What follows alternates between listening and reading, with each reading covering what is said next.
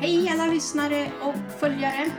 Nu är det Varför Spanien? Podcast med Kristina Berardi igen. Välkomna!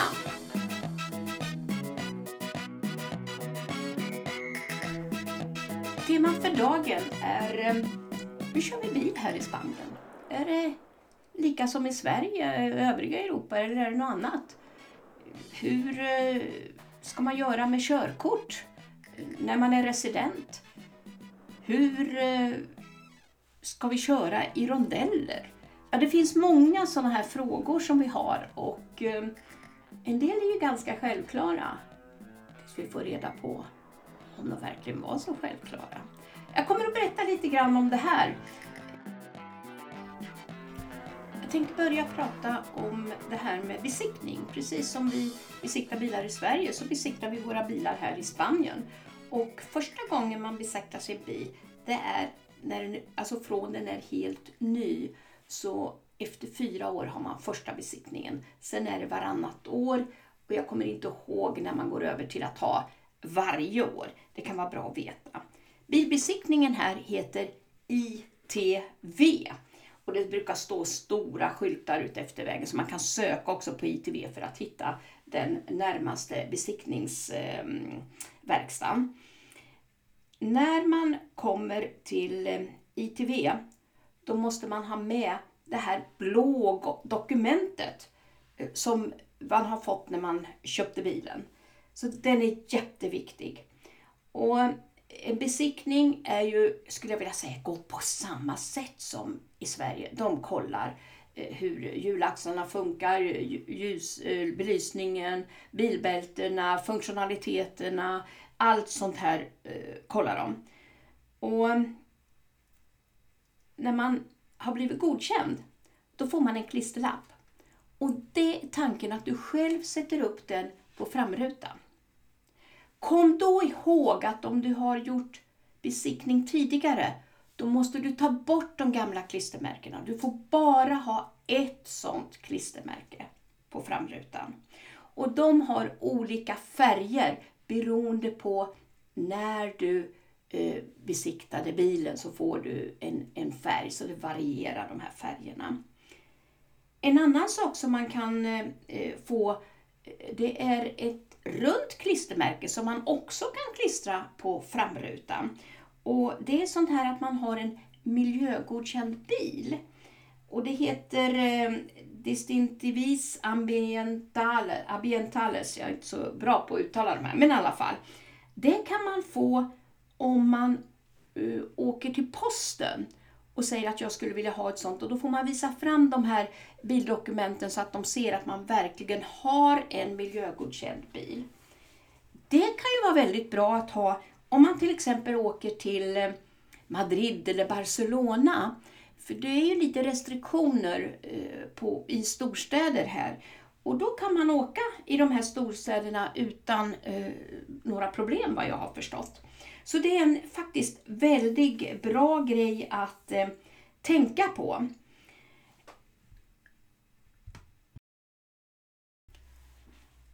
När man eh, registrerad resident här i Spanien och man har ett spanskt körkort, då får man ett antal punkter.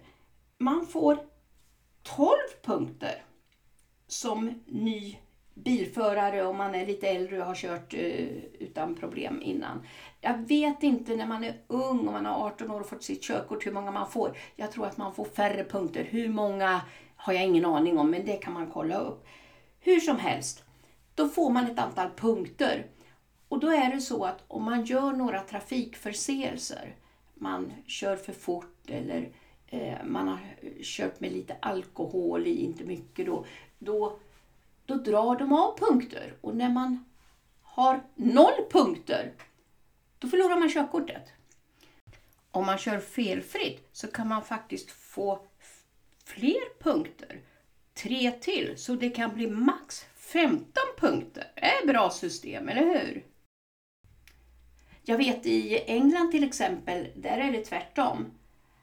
När man får körkort, så när man gör trafikförseelser, då får man punkter och när man kommer upp till ett visst antal punkter, då förlorar man körkortet. Så det är lite, lite olika här.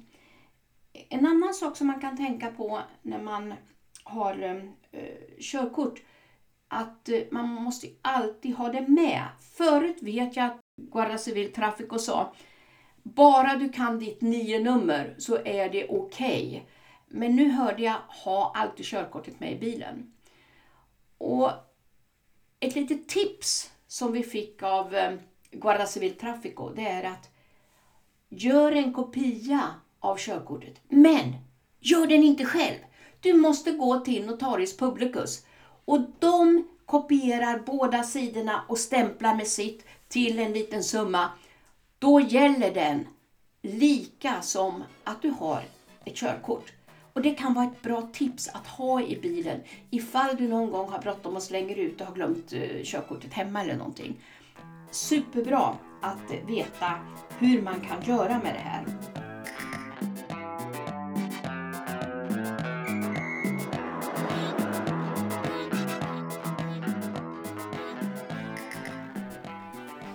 Ett annat tips som jag faktiskt fick av eh, några vänner här, det är när vi är residenter och har ett residentkort så skulle man kunna göra likadant med det. Det vill säga man går till Notarius Publicus, ber dem kopiera båda sidorna och stämpla och betala en mindre summa.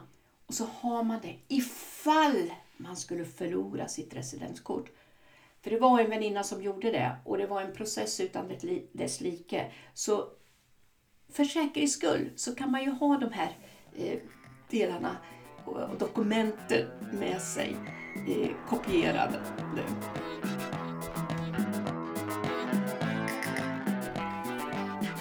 Polisen tog upp det här med ägarbyten.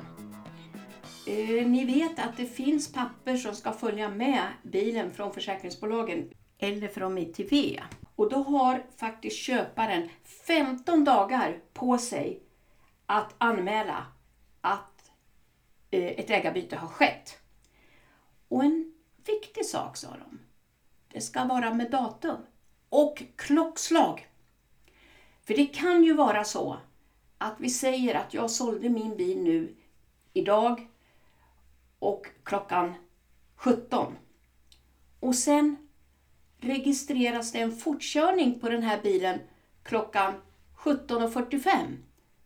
Om jag då kan bevisa, nej, ägarbytet skedde 17.15 idag, då klarar du dig. Har du inget klockslag, då kan du dra på dig alla möjliga böter från den som köpte bilen. Jag hade aldrig tänkt på att eh, det kunde vara så. Men eh, det är tydligen eh, inte helt ovanligt att man gör så. När du kör bil så måste du ha, förutom körkortet, så måste du ha en sån här liten A5 som är vikt i bilen. Det står någonting med permisso. Den måste du alltid ha i bilen.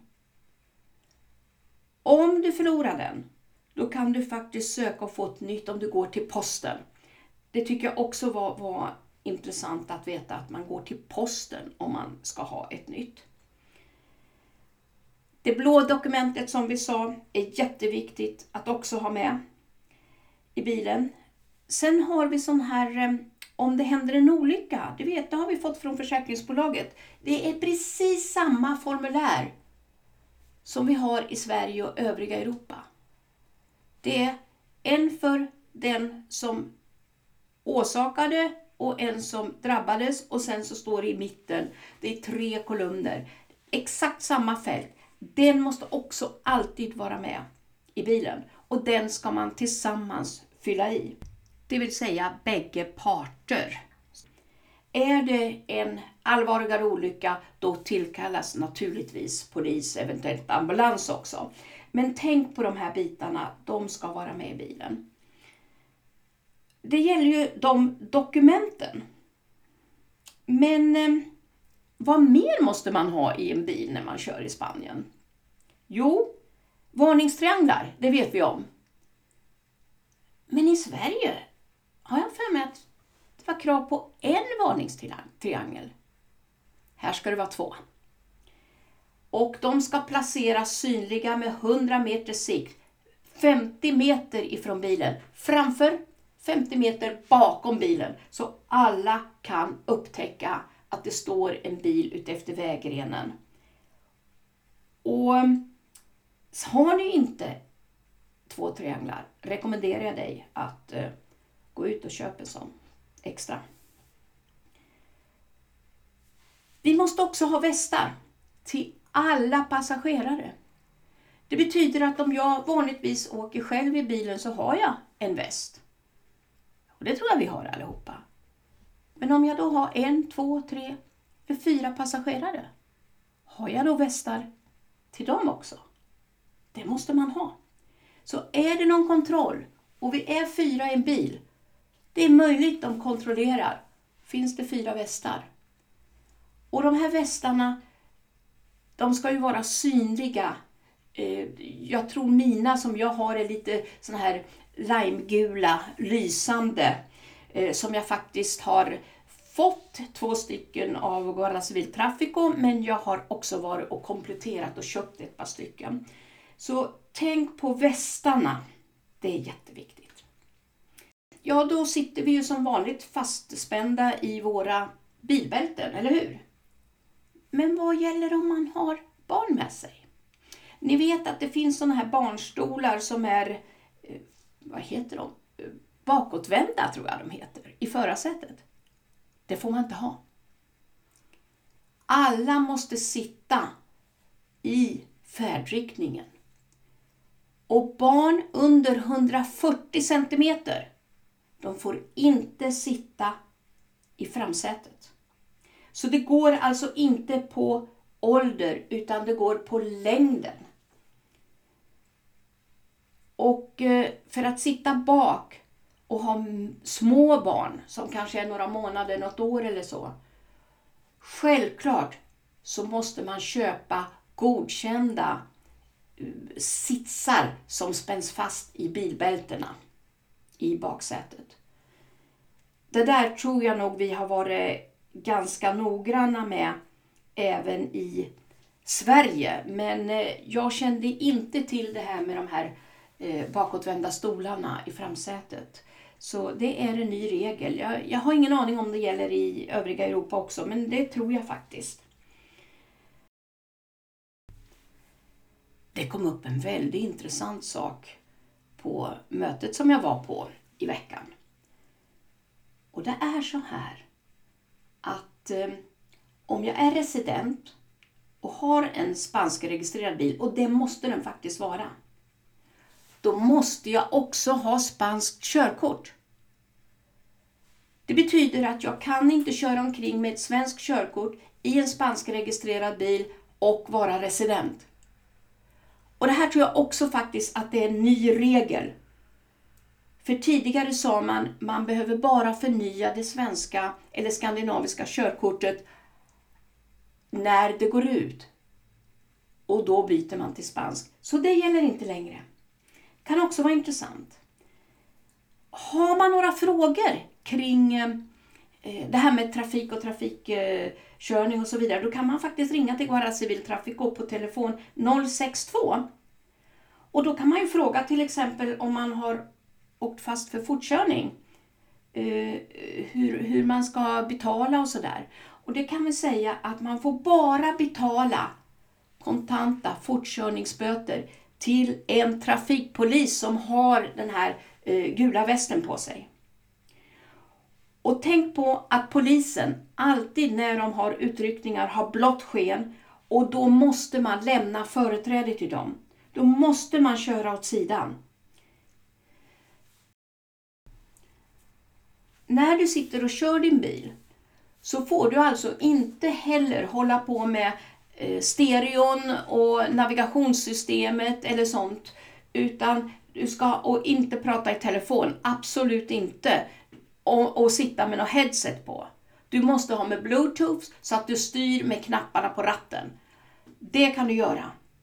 Så det betyder rör ingenting på navigationssystemet, ställ in när du kör bil. Inte heller om du stannar bilen för rött ljus eller så, eller för ett övergångsställ får du inte sitta och fippla med, med någon radio eller navigationssystem eller telefon. Det ger böter om de kommer på det. Jag tänkte ta upp lite grann om eh, det här med alkohol. Precis som allt annat så är det enhetliga regler inom EU. Och alkohol får man ju inte dricka här i Spanien heller. Så jag skulle vilja säga att har ni druckit någonting, lämna bilen hemma. Det gäller en regel. Under 0,25 promille, då får man köra bilen. Och det kan vara att under en kväll dricker du ett glas vin eller ett eller två glas öl. Då är det okej. Okay. Men sitt inte och drick ett glas vin och 10-15 minuter senare sätter du och kör bilen, för då har du åkt upp. För det här gäller bara ett glas vin under en middag. Och eh, om du då fastnar i en sån här trafikkontroll. Har du då mellan 0,25 och 0,50 promille, då tar man fyra punkter och då får du 500 euro i böter. Det känns. Det kommer att kännas med 500 euro i böter. Om, eh, om du har högre halt, då kostar det 1000 euro i böter och jag tror de tar till och med fler punkter eller körkortet. Jag är lite osäker på det.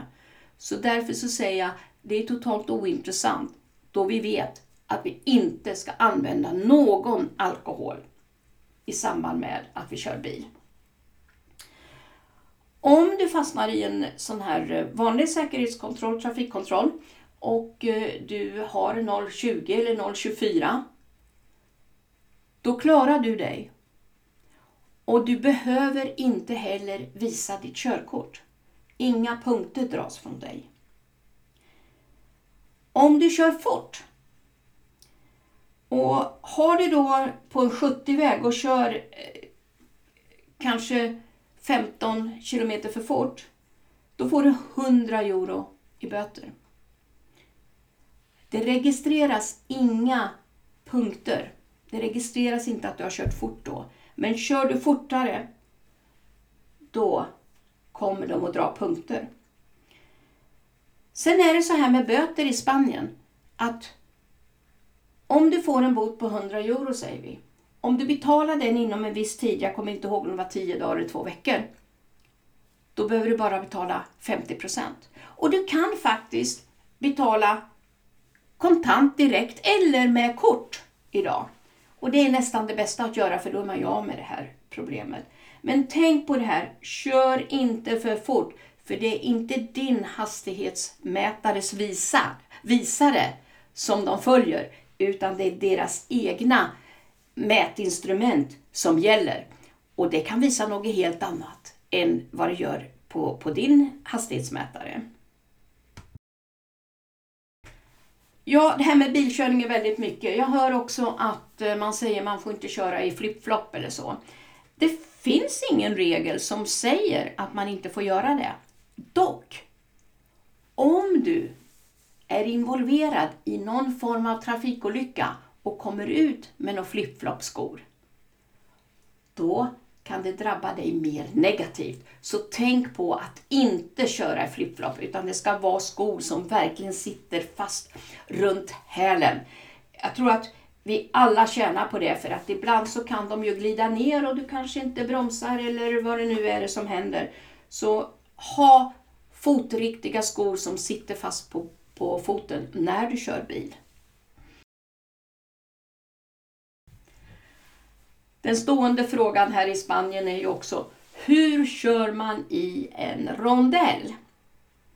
Ja, jag tror det är ganska eh, vanligt. Om man tänker sig, så jag ska försöka förklara det här på bästa sätt. Men om man tänker nu att det är en rak väg och jag ska svänga till höger. Då lägger jag ju, jag ligger ju naturligtvis i min fil för det finns bara en fil och så blinkar jag och så svänger jag in till höger. Om du då tänker att det är en tvåfilig väg och du ska svänga till höger. Självklart ligger du i den högra filen och svänger in till höger. Och om vi nu säger att det är en bil som kör framför dig och ska svänga in till höger och det är tvåfiligt, då kan du gå ut i den vänstra filen. Den vänstra filen kallas omkörningsfil. Får alltså användas vid omkörningar. Och då kan du gå ut där och köra ut och sen så kan du blinka och så köra in i högerfilen. När man sen kommer till en rondell, då gäller samma sak. Den yttre filen, det vill säga den högerfilen, det är den man kör i och blinkar och svänger av. Och om jag då ligger i vänsterfilen, i den här omkörningsfilen och kommer in i rondellen, måste jag lämna företräde till den som är i högerfilen. Jag får alltså inte köra in precis framför den bilen. Har, ligger jag där och inte har tänkt till och det är mycket bilar, då måste jag stanna upp och lämna företräde. För kör jag på den bilen, då är det jag som orsakar olyckan. Så att om man då tänker på att vänsterfilen är omkörningsfil, då förstår vi att vi ska alltid köra i den körfilen som är på höger sida. Både på rak väg och i rondeller. Och när man får det här förklarat och ritat för sig, då börjar man fatta. Det har tagit lite tid för mig kan jag ju säga. Men nu har jag rondellkörningen helt klart för mig hur det ska vara. Ja hörni, idag var det ju väldigt mycket sån här fakta och pressas hit och dit. Så att eh, det var ju väldigt mycket att tänka på. Och har du några frågor, ring 062 till Guarda Civil Traffico. Sen kan du också själv kontrollera hur många punkter du har och vad det finns skrivet om dig i det här bilregistret. Och det kan du gå in på det som heter eh, DGT. Och vad betyder då DGT? Jo, det är Direction General de Tráfico. Där kan man gå in och logga in och titta på hur många punkter och så vidare man har. Det var också ett bra tips. Den sidan finns det väldigt mycket matnyttigt på. Eh, tyvärr har jag ju inte sett att man kan få det på engelska, eh, men eh, man kanske har någon vän som kan prata och läsa spanska åt dig. Sverige är ju med i EU och då är det helt okej okay att använda sitt spanska körkort som ID. Likadant gäller det nationella ID-kortet som vi har. Det gäller också. Men eh, det här med Brexit, det har gjort att engelsmännen måste alltid visa pass om de ska gå någonstans. De ska alltid ha med sig sitt pass när de går ut. Lite krångligt tycker jag. Likadant är det med deras körkort. Alla engelska körkort de kommer att upphöra att gälla i Spanien om du är resident. får inte använda dig av brittiskt körkort om du är resident här i Spanien. Och det här gäller till sista december i år. Så det var också en, en liten överraskning att man går så hårt åt. Men å andra sidan så sa de just det till oss att är du resident och har spansk registrerad bil, då ska du ha ett spanskt körkort. Likadant om du har en bil och ska låna ut den till någon. Då måste du ha även här dokument med ditt körkort och med den som ska låna bilen. Den personens körkort. Gå till notarie publicus, ta kopior och stämpla det. För då kan man visa upp och då är man laglig. Så det är många sådana här saker som man normalt inte tänker på. För i Sverige då brukar vi bara låna ut bilen till, till sambon eller, eller mannen eller uh, vännen om det gäller någonting. Det är inte lika lätt här i Spanien. Ja, kära vänner. Mycket att tänka på, eller hur? Jag får tacka dig som lyssnare återigen, jag är så tacksam för att du tar dig tid att lyssna. Och idag fick vi ju faktiskt lite längre eh, avsnitt. Eh, men jag tror att det var väldigt mycket matnyttigt och eh, som sagt, har du några frågor, kontakta Guardas Traffic. Jag vill bara påminna om att eh, Varför Spanien? Podcast med Kristina Berardi finns på Soundcloud, i Facebook, iTunes, Podcaster, Spotify, Podtoppen och Podtail och sen finns det en till som heter Pod Paradise. Är det inte fantastiskt? Vi finns snart överallt! Tack så hemskt mycket för att ni har hjälpt till och bidragit till att lyssnarantalet ökar och alla era kom kommentarer. Det känns så fantastiskt att ha er där ute. Hej då från mig, ta hand om er och tänk på alla andra även när ni är ute i trafiken.